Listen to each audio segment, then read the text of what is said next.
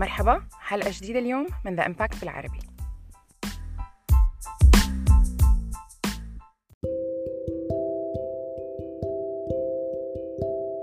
في دولة اسمها بوتان بلد موجود بالهيمالايا أو ما يعرف باسم أرض تنين الرعد.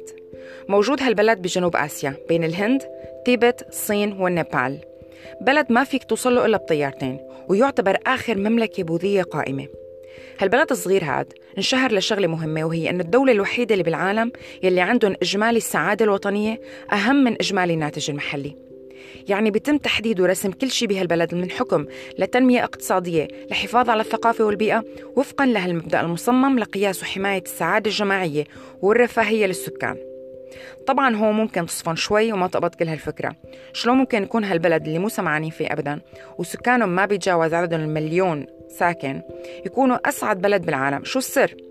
أول شي خلينا نحكي عنه بكلمتين. بوتان هو بلد حاول يتجنب بدايته العولمة والاستمتاع بفكرة البقاء معزول عن العالم. فمثلا بيسمح فقط لعدد معين من السياح لدخول البلاد ومبلغ معين لازم كل سائح يدفعه كضريبة دخول فيك تعتبرها للأراضي. قبل عشر سنوات ما كان عندهم إنترنت وغيرها من الأشياء اللي بنعتبرها وجوه من أوجه الانفتاح. لكن هذا الشيء تغير إلا إنه الأمور لا زالت متوازنة عندهم. وهون بتسأل سؤال شو يعني إجمالي السعادة الوطنية؟ الجواب هو ببساطة مقياس لجودة حياة الناس والتأكد أنه التطور المادي والتقني اللي عم يصير بالحياة والروحي والنفسي عم يصيروا بالتوازن. يعني عندهم إنترنت هلأ وتلفزيون وكيبل وتليفونات وغيرها من التقنيات والأفكار الحديثة. لكن الرغبة بالحفاظ على القيم الثقافية بالإضافة لحماية الطبيعة والحياة المعتدلة والمرضية للناس شيء أساسي وعم ينمو ترادفا مع التطور. فتخيل هالمثال الجميل لبلد قادر ينفتح على العولمة لكن نفس الوقت عنده رغبة بالحفاظ على ثقافة عمرها آلاف السنين. العالم وجد بهالبلد نموذج رائع واستوحوا منه فكرة تصنيف السنوي للسعادة.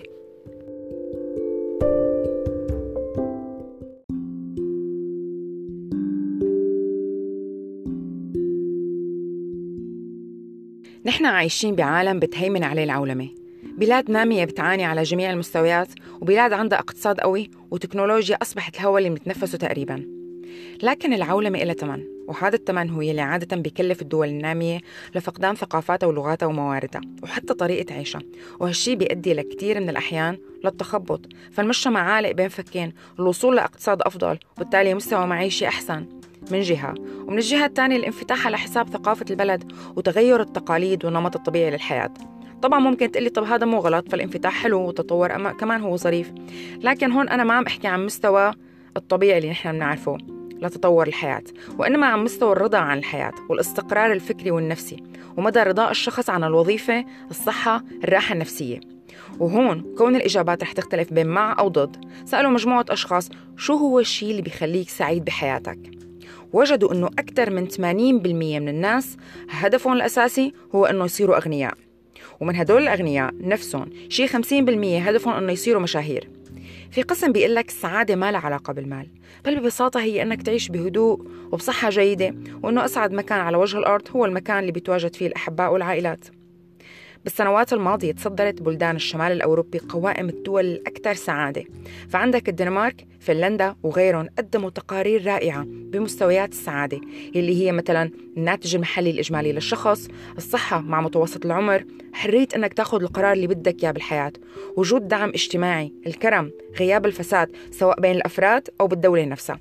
وطبعا وبشكل أساسي هو مدى الرضا عن علاقاتنا بالحياة. يا ترى عنا شخص نتصل فيه وقت الحاجة؟ عنا كتف نستند عليه وقت المصيبة؟ في شريك نتشارك معه آمالنا ومخاوفنا؟ في صديق؟ في عيلة؟ هذا كله لا شك بيأثر شئنا أما بينا على سعادة الناس ومدى كونهم راضيين عن حياتهم.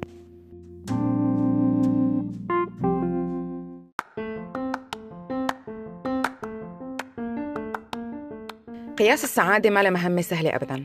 كل سنة بصير استطلاع بالرأي لتقدير مدى سعادة الناس ب 140 دولة حول العالم. شلون؟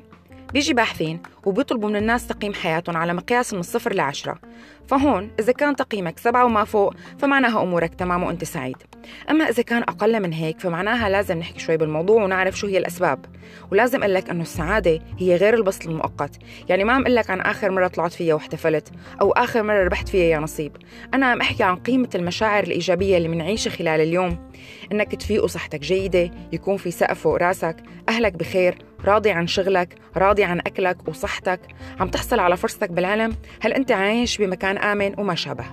الحق بالرعاية الصحية والتعليم وجود استثمارات وفرص عمل بتساعد البلد نفسها على جعل حياة الناس أكثر سعادة. وجود شبكة أمان مالي ودعم من الدولة للي بحاجة لمساعدة شيء مهم وأساسي. لكن ما لازم ننسى أنه الانسجام بين الناس واحترامهم لبعضهم البعض وتقدير الفرد لشريكه بهالبلد شيء أبدا ما بقل أهمية. يعني ما فيك تطالب بوجود دعم مالي إذا العالم ما بتدعم بعضها بكلمة. إذا ما فيك تترك غرض بخصك بمكان عام وترجع تلاقيه. أبدا ما عم بالغ. إذا ما في ود بين أفراد المجتمع وتكافل سواء بالشارع أو بقلب البيت يلي بدوروا بيخلق وحدة مصير وبس يصير في شعور بوحدة هالمصير مصير كلنا نفكر بطريقة تخلينا سعداء. الاحترام والعمل الجاد هو سبب بالسعادة.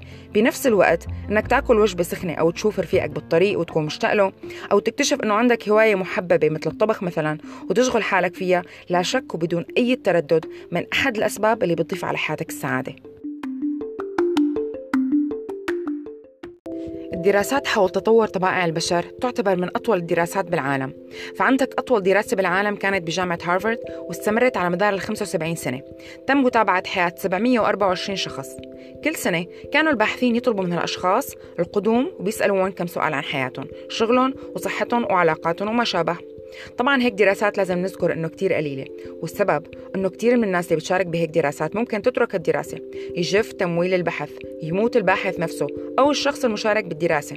لكن بمزيج من الحظ والمثابرة قدرت الدراسة بالذات إنه تنجو من الاندثار وطبعا بسبب متابعة ومثابرة الباحثين وصلت لمرحلة بقي من 724 شخص حوالي 60 واحد على قيد الحياة. طبعا معظمهم بالتسعينات من العمر. على مدار ال 75 عام ومن عام 1938 كانت الأسئلة والاستبيانات عم تنطرح كالتالي وين عايش؟ هل في مياه سخنة ببيتك؟ هل فتت مدرسة؟ شو الوضع العائلي؟ وفيما بعد هل تزوجت؟ كل مرة بيتصل فريق البحث بهالعالم وبيطرحوا عليهم مجموعة أسئلة حتى أنهم بيسألوهم عن سجلاتهم الطبية وممكن يخلوا شركائهم يشاركوا بالدراسة وبعد عشرات آلاف الصفحات والأسئلة والساعات والسنين اكتشفوا السر اللي بيخلينا ناس أكثر سعادة وصحة السر ما كان بالمصاري ولا كان الشهرة ولا قديش راتبك ولا شو المسمى الوظيفي ولا كم عدد غرف بيتك أو كم شنطاية ماركة بخزانتك. السر بسيط وهو العلاقات الجيدة الروابط الاجتماعية. نحن بالنهاية بشر والوحدة لكائنات اجتماعية غير صحي وجود عائلة صديق زميل شريك جار بتسلم عليه كل يوم كل التجارب تبني داخل النفس الإنسانية الشعور بالدفء الأمر ما له علاقة بكم صديق عندك على السوشيال ميديا. يا ما في عالم وحيدين بحشد من الناس والعلاقات. كل ما كنا راضيين عن علاقاتنا كل ما زدنا فرصتنا بحياة صحية وقت بنكبر بتعرف إنه الكوليسترول بقل كل ما كنا راضين عن علاقاتنا؟ الأشخاص الأكثر رضا عن حياتهم بالخمسين بيعيشوا بصحة أكثر بس يصيروا 80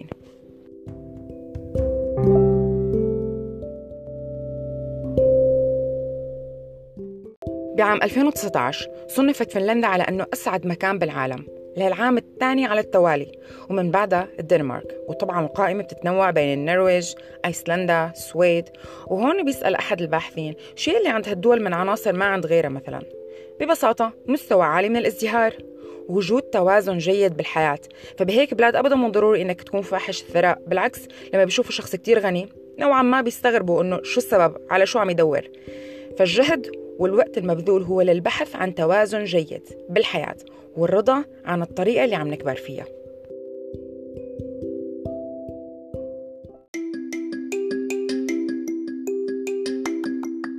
باعتبار إنه البودكاست ما بتحكي باللهجة الفنلندية ولا السويدية وإنما بالعربية وباعتبار إنه ما في بلد عربي للأسف قدر يوصل للمراحل الأولى من هالقائمة. هذا بيعني إنه الحكي عن البحث عن السعادة بمجتمعاتنا ضروري وأساسي خصوصي وبظل وجود هالتكنولوجيا اللي حبست العالم بغرفهم ومنعتهم من التواصل مع العالم الخارجي فصار الاكتئاب والوحدة واليأس توصيف طبيعي بس تحكي مع أي حدا. تذكر منيح إنه السعادة ما بتجي بالمصاري ولو إنه المصاري بتلعب دور بالتخفيف من عباء الحياة بلا شك لكن لازم تعرف أنه السعادة نوعين سعادة قصيرة ترتبط بموقف أو لحظة عابرة بتخليك مبسوط لفترة من الوقت وبعدها بترجع لحالتك الانفعالية الطبيعية. أما السعادة اللي عم أحكي عنها هي اللي بتخليك تعيش بإيجابية ورضا. هي قرار بتاخده بينك وبين نفسك بس تدور منيح حواليك. إذا صحتك منيحة فلازم تكون سعيد. إذا أكلت طبخة طيبة إذا أهلك عايشين إذا في شباك تشوف منه الناس وتشرب فنجان قهوة الصبح كمان لازم تكون سعيد. إذا عملت شي منيح ودرست لمستقبلك أو قدمت شغلك للمدير بإتقان أو صلحت علاقتك مع شريكك ابنك أهلك فأنت لا شك بتملك واحد من مفاتيح السعادة. طيب شلون بقدر أخذ هالقرار؟ بتسألني. واحد خليك أقل تذمر. يعني حاول تخفف النظر بشكل سلبي لكل الأمور. إنك تفضفض عن مشاكلك شي وإنك تلاقي مشكلة بأي موقف بتواجهه شي تاني. ركز على الشغلات اللي عندك إياها واترك النواقص الحياة أقصر من إنك تعيشها متحسر على اللي ما عندك إياه. خفف من تأنيبك لذاتك. وقف قدام المراية وشكر نفسك على الجهد اللي عم تعمله بالحياة. على كونك ابن بار صديق وفي طالب مجتهد جار طيب. أنا شخصيا بيستحضرني كل مرة كلمة سنوب دوغ وقت وقف على المسرح بحفل تكريمه وقال I wanna thank me for doing all this hard work. I wanna thank me for having no days off. I wanna thank me for never quitting. I wanna thank me for always being a giver and trying to give more than I receive. I wanna thank me for trying to do more right than wrong. I wanna thank me for just being me all the times